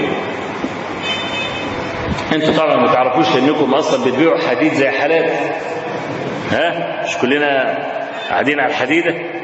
ها؟ لكن هنفترض أغنى واحد في بورسعيد ممكن يكون عنده كم مليون مثلا؟ 100 مليون؟ مثلا يعني. 100 مليون. قد يكون في واحد أغلى أغنى من كده. بس خلينا نقول 100 مليون على أساس الرقم يعني. والراجل ده بيقول بحبك يا نبي ما استغناش عنك يا نبي. زي ما بيحصل بقى والكلام وحضرة النبي وصلوا على حضرة النبي. وتقول له أغلى واحد في حياتك مين يقول لك حضرة النبي؟ طيب. يلا بينا نعمل صفقة بناء على هذا الحديث. النبي عليه الصلاة والسلام يقول إيه؟ إن من أشد أمتي لي حبا رجل يتمنى أن يراني. فهل يمكن إنك أنت تدفع 100 مليون جنيه لترى صفحة وجهه مرة يعني رؤيا وجهه مرة مرة وما تشوفوش بعد كده. مرة واحدة. تساوي أهلك ومالك. أمال لو بقى أنت من أصحابك وقاعد معاه على طول ولا جاورته ولا خدته بالحضن مرة ولا قبلت إيده مرة ولا صليت وراه. أنت ممكن تعمل إيه؟ عشان بس اعرفكم فضل الصحابة. جماعة اللي بيقولوا للصحابة ومش تعالوا في الصحابة ومش عارفين الكلام ده أهي. نظرة واحدة لصفحة وجهه تساوي 100 مليون جنيه عند واحد من هنا. ممكن يكون واحد أغنى من كده في العالم بس بيحب النبي عليه الصلاة والسلام يقول أنا على استعداد الآن. أدفع مالي كله. لا يبقى معي فلس ممسوح وأولادي كلهم يموتوا. وأفقدهم جميعا. واحدا واحدا وأعيش في الدنيا وترا لا ثاني معي بس اشوفه مره يبقى يا جماعة إحنا محتاجين نراجع مرة أخرى معنى محبة الرسول. طيب. لنا ولا انت مثلا هنقدر نعمل القصة دي. لا أنا هقدر ادفع 100 مليون ولا أقدر أفقد عيالي ولا الكلام ده طب ممكن أدلك على ما هو أهون من ذلك وتثبت لي به أنك تحب النبي عليه الصلاة والسلام؟ أقول لك تعمل إيه؟ ألا تخالفه فيما أمر. صعبة دي؟ طب هل هو أمر بما فوق الطاقة ولا بما في استطاعتك؟ قطعا بما في استطاعتك. طيب لما أقول لك أنه أمر بكذا بتخالفه ليه؟ فالذي يخالفه في أصغر شيء وفي إمكانه أن يفعله كذاب إذا ادعى أنه يستطيع أن ينفق مئة مليون جنيه عشان يراه مرة واحدة. إذا كان مش عارف يعمل الشيء الأدنى الشيء الأقل ما بيعملوش بيخالف النبي على طول على خط مستقيم. يبقى يا جماعة ينبغي أن نراجع أنفسنا في دعوى محبته. كان الحديث بتاعي كله كان عن هذا المعنى. كان له أبلغ الأثر على هؤلاء الناس في مسألة اتباع النبي عليه الصلاة والسلام. لأن كنت بقى اتكلمت عن محبته وبعدين قلت ومن ثم اتباعه دليل محبته وأتيت بالآية. قل إن كنتم تحبون الله فاتبعوني يحببكم الله. يبقى مقياس الحب الاتباع خلاص. لا تتبع النبي صلى الله عليه وسلم يبقى أنت لا تحبه. لو حلفت لي من هنا لحد ما تموت أنك تحبه أنت لا تحبه. إذا كنت تخالفه فيما تستطيع أن تدفع المخالفة به. فأنا عايز أقول يا إخوانا أنا لما بحكي تجاربي بحكيها ليه؟ لأن إحنا أنا كنت أتكلم دايما على أئمة كبار فيقوم واحد أو أكثر قال لي قال لي إحنا فين وهم فين؟ دول أئمة كبار ولا أحد يصل إلى مستواهم ولا كذا ولا كذا ولا كذا فقلت خلاص أقول تجربتي أو جزء من تجربتي في أي محاضرة من المحاضرات إذا جاءت مناسبة عشان أقول لك أنا واحد طالب علم صغير زي زيك تقدر تعلو فوقي وتبقى أعلم مني وأنت أصغر مني وتبقى أعلم مني بدرجات. وأنا بقول لك تجربتي. ليس بقصد إن أنا أسوة ولا بقصد إن أنا لكن تجربة أنا مررت بها وعشتها. وما ولم أعش هذه التجارب بسهولة. بل وقعنا في أخطاء كثيرة ولم يكن لنا مشايخ يسددوننا يقولون اعمل كذا وخلي كذا إنما تعلمنا من كتب العلماء وتراجم العلماء ودراسة الفراسة والكلام ده تعلمنا كيف نعامل الناس. فأي داعية قبل أن يدخل أي بلد أو أي حي يسأل أسئلة. طبيعة الناس دمهم حامي ولا بارد؟ القضايا اللي تشغلهم إيه؟ القضايا التي تثيرهم وتغيظهم. ما هي؟ عشان أتجنبها. من كبراء القوم في البلد؟ ليه؟ لأنك لو وصلت لكبير القوم في البلد هيسهل لك الدنيا كلها. يعني شيخ البلد لو أنا جبت له عباية وجلابية بإقطان كده ومش عارف إيه والجماعة ده قلت له يا عم الحاج يعني فكرت إن أنا أجيب هدية لواحد غالي عليا قعدت أفكر أفكر أفكر فخطرت على بالي فقلت والله ما تغلى عليك. وجبتها لك الراجل ده ممكن يكون واقف ضدك أو ناوي يقف ضدك. أنت كسرت. واحد يقول لي طب ما ده نفاق. أقول لك لا. دي اسمها مداراة. مش أنا قلت في الأول خالص إن المداراة من السياسة. هو كان في حد يقدر يكح مع النبي؟ النبي عليه الصلاة والسلام لو قال لصحابي اقطع لي رقبة ده كان حد يقدر يقول له لا؟ طب أنا هقول لك على موقف. فيه عباية برضه حاجة زي العباية يعني حاجة بتتلبس. حسين والد المخرمة والد المسور. في صحابي اسمه المسور ابن مخرمه وابوه مخرمة كان صحابي برضه. وكان له صوت أجش كده. فالمهم في غنائم حنين مخرمة قال لابنه المسور هيا بنا يا بني نذهب إلى رسول الله لننظر ماذا يعطينا. آه غنائم بقى وأشوف هيديني إيه. فالنبي عليه الصلاة والسلام المسور بيقول كان النبي صلى الله عليه وسلم داخل الدار فسمع صوت الإيه مخرمة خارج الدار مش بقول لك صوت اجش لما بيتكلم تعرف تميزه من إيه من كل الأصوات.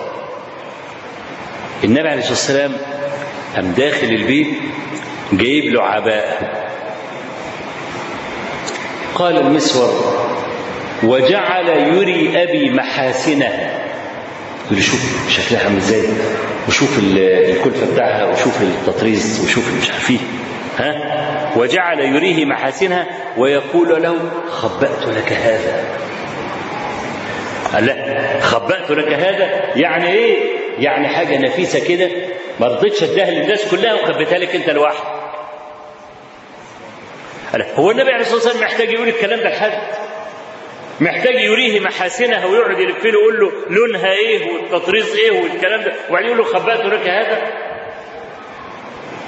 أما خرمة خدها وعمل كده بقى ها؟ قال المسور فقال رسول الله صلى الله عليه وسلم رضي مخرمة رضي مخرمة رضي مخرمه يعني كأن رضا مخرمة غاية لا تدرك. يعني كل مخرمه يرضى ده كان يعني حاجة من ربع المستحيلات لحد ما النبي يقول رضي مخرمة ثلاث مرات. رضي مخرمة رضي مخرمة رضي مخرمة. ده كله ليه؟ ما هي دي سياسة. أتى النبي صلى الله عليه وسلم بمكارم الأخلاق. أصحابه كانوا يجلدون. وكانوا يرمون في حر الظهيرة على رمضاء مكة على الرمال التي تشوي الجلود. وقيل لهم كفوا أيديكم وأقيموا الصلاة. ولم يؤذن لهم بقتال عشان ما يبقوش قطاع طرق. وكان أصحابه من الأبطال.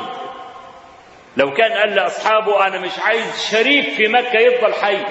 كانوا قتلوا أبو جهل وأبو لهب وأمية ومش عارف كانوا أشروهم كلهم. لكن ماذا تكون النتيجة؟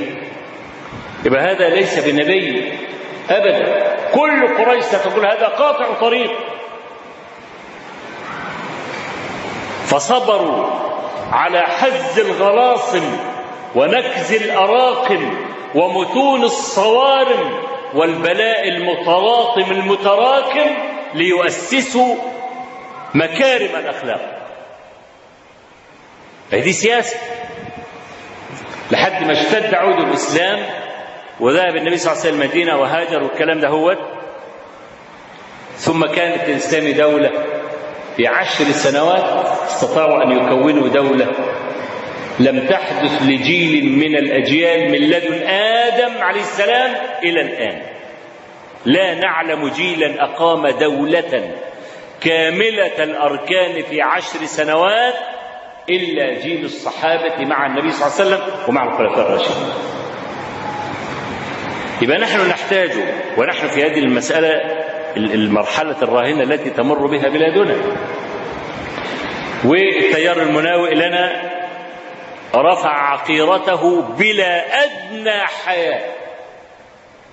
كشف عن وشه النهارده يقول لك الدستور أولا.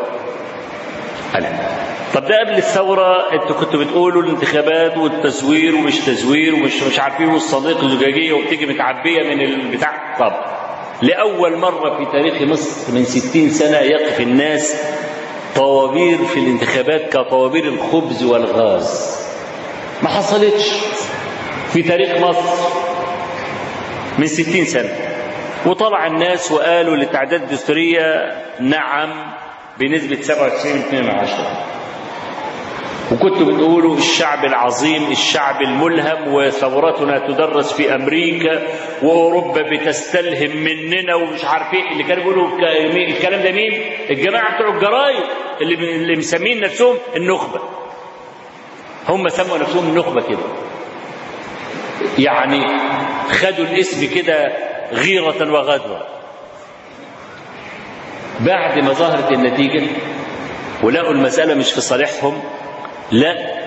تبقى دي مش ديمقراطية. الديمقراطية ما نراه نحن نحن. والديكتاتورية ما تخالفنا أيا كانت هي. أنا بقول مصطلحاتهم هم. إحنا لنا تعليقات كثيرة أنا مش في صدد الكلام ده لكن بتكلم بمصطلحاتهم النهاردة عاملين دستور موازي. مجهزين دستور. يعني التفاف على إرادة شعب بأكمله. قال نعم إيه اللي خلاهم يعملوا كده لقوا الإسلاميين خرجوا من قمقم لدرجة إن واحد من المذيعين بتوع التوك شو المشهورين قوي بيقول له واحد من المشايخ بيقول له قال يا أخي السلفيين دول كانوا فين؟ هم طلعوا منين حتة؟ طلعوا منين حتة؟ فهو أنا بتلقائية يعني قلت هو ما كانش شايفنا لأنه أصله كان قاعد في زحل ما كانش شايفنا هو كان في زحل وإحنا كنا على الأرض. كانوا يحتقروننا يحتقرون جهودنا يحتقرون مجهودنا. يقول لك أنتوا كل حياتكم كلها دقن وجلبيه وكتاب وورقة وما حوالكمش حاجة ولا بتغيروا ولا بتعملوا حاجة ومش خليكم شغالين في فقه دورة المية وخليكم مش عارف بتعملوا إيه والكلام ده. وشبعنا تريقه على مدار 30 سنة. وإحنا عارفين هدفنا وماشيين وساكتين وبنعلم الناس والكلام ده كانت النتيجة إيه؟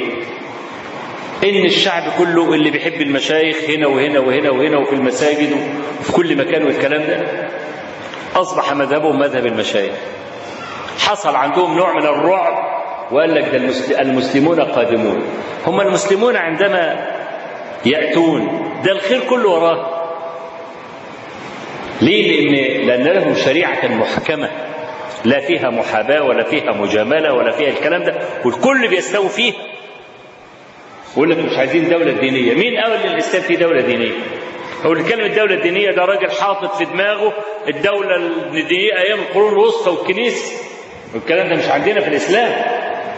واللي بيقول لك لا للدولة المدنية حاطط الدولة العلمانية الفاجرة التي لا دين لها. والمسألة لا كده ولا كده. أنا لو قلت إن إحنا دولة مدنية بمرجعية إسلامية. ده كلام صحيح. دولة مدنية يعني يعني لنا مؤسسات. أصبح فيه وزارات والوزارات ينبثق فيها منها إدارات والإدارات أصبح منها مصالح حكومية والكلام ده. ترتيب الشؤون العامة اللي بتدخل تحت ما يسميه العلماء بالمصالح المرسلة. تنظيم أمور الناس بأي طريقة حديثة. دي اسمها الدولة المدنية. ودي ما فيش فيها مشكلة. لكن لابد أن يكون عصبها الحلال والحرام. ما تبقاش دولة مدنية منحلة لا دولة مدنية بمرجعية إسلامية. يبقى في حاجة اسمها حلال وحرام. مهمة الحكام إقامة شرع الله في الأرض لا إقامة أهوائهم. دي مهمة الحكام لأنه مربوب ومأمور وشريعتنا كاملة تامة في كل مناحي الحياة. لكن نظرا لغلبة الجهل تصوروا أن الدين هو مربوط بس بالشعائر الصلاة والزكاة والصوم والكلام. فمرعوبين من قصة بقى أن الإسلاميين قادمين وهيقطعوا الأيادي ويقطعوا الودان وبيهدموا الأضرحة. ولو شافوا واحدة كشفوا الشاي وجايين جزيره مية نار وإيه وكبينوا على وشها والكلام ده واستهزاء من كل ناحية.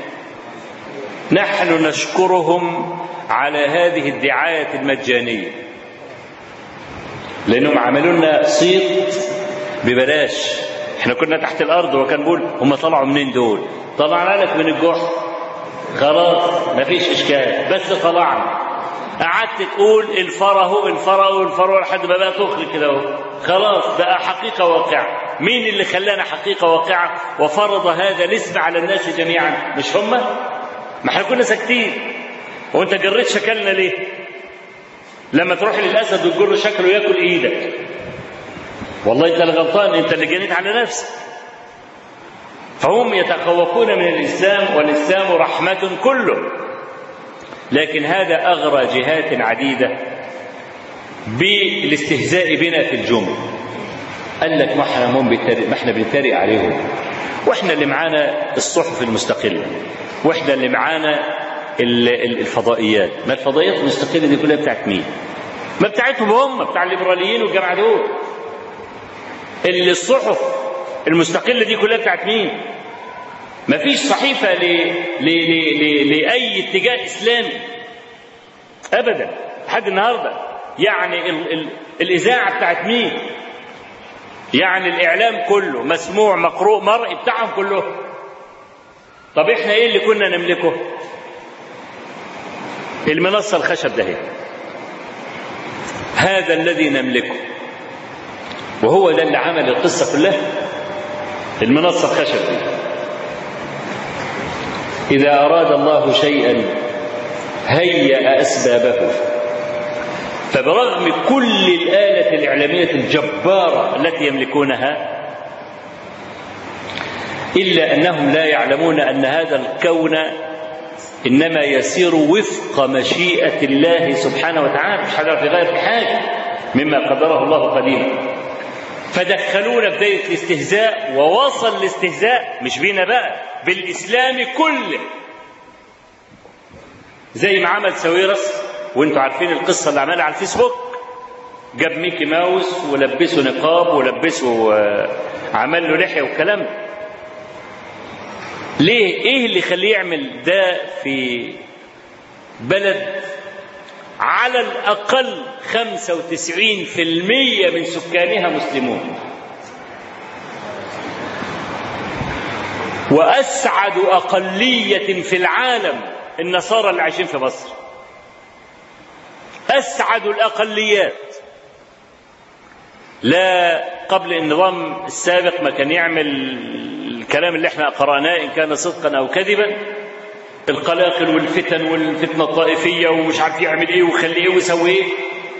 طب ما أيام الهرج والمرض ليه ما اتحرقتش الكنايس وليه ما قتلش النصارى وليه ما اتعملش القصات ليه يعني وكان المسلمون يستطيعوا واعداء الثورة كثر ويقول لك اندست مش عارف مين من الموساد ومين جا من مش عارف مش عارف وحرقوا من وشانه وبتاع والكلام ده. ما حصلش هذا الكلام.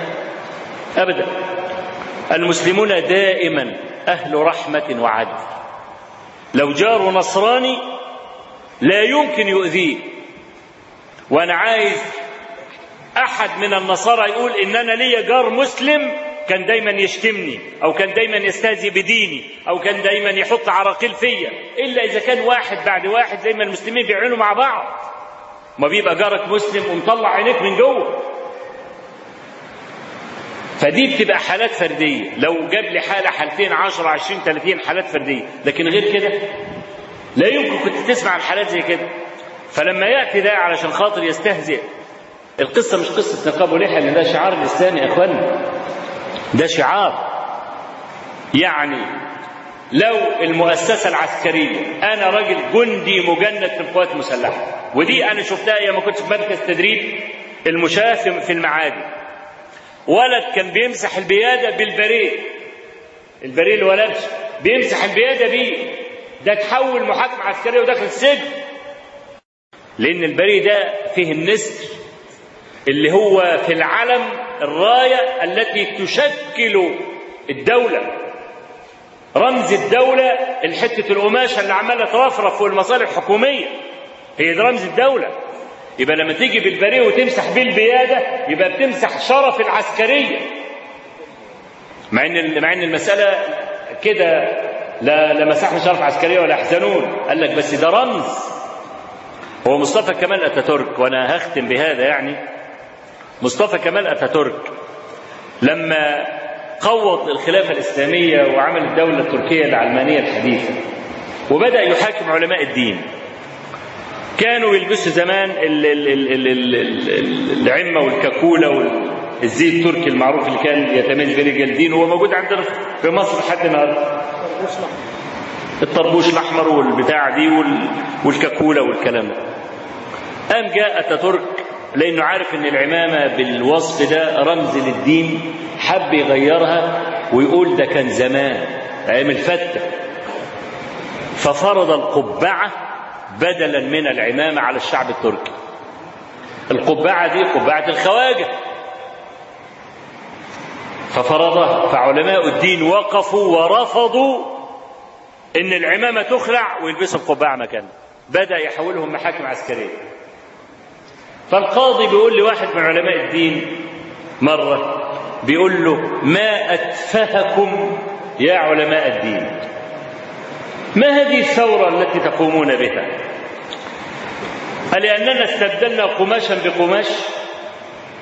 ما هي القبعة من قماش والعمة اللي انت لابسها من قماش؟ إيه الفرق يعني كلكم بتوع مظاهر وشكليات ولحية وقميص قصير والكلام ده.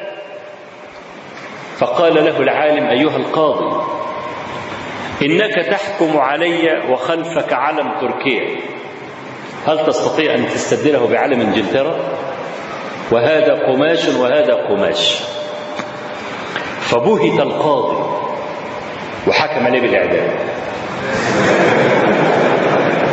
ما هو جاي ياخد إعدام سواء اتكلم ما اتكلمش جاي ياخد إعدام. لكن كلام ما فيش حد ينكره. أنا ممكن أعلم أحط ورايا علم بريطانيا وهو قماش وأرمي علم تركيا؟ لا. هو النبي صلى الله عليه وسلم كان في الغزوات. ليه كان حريصا على إن الراية تفضل مرفوعة؟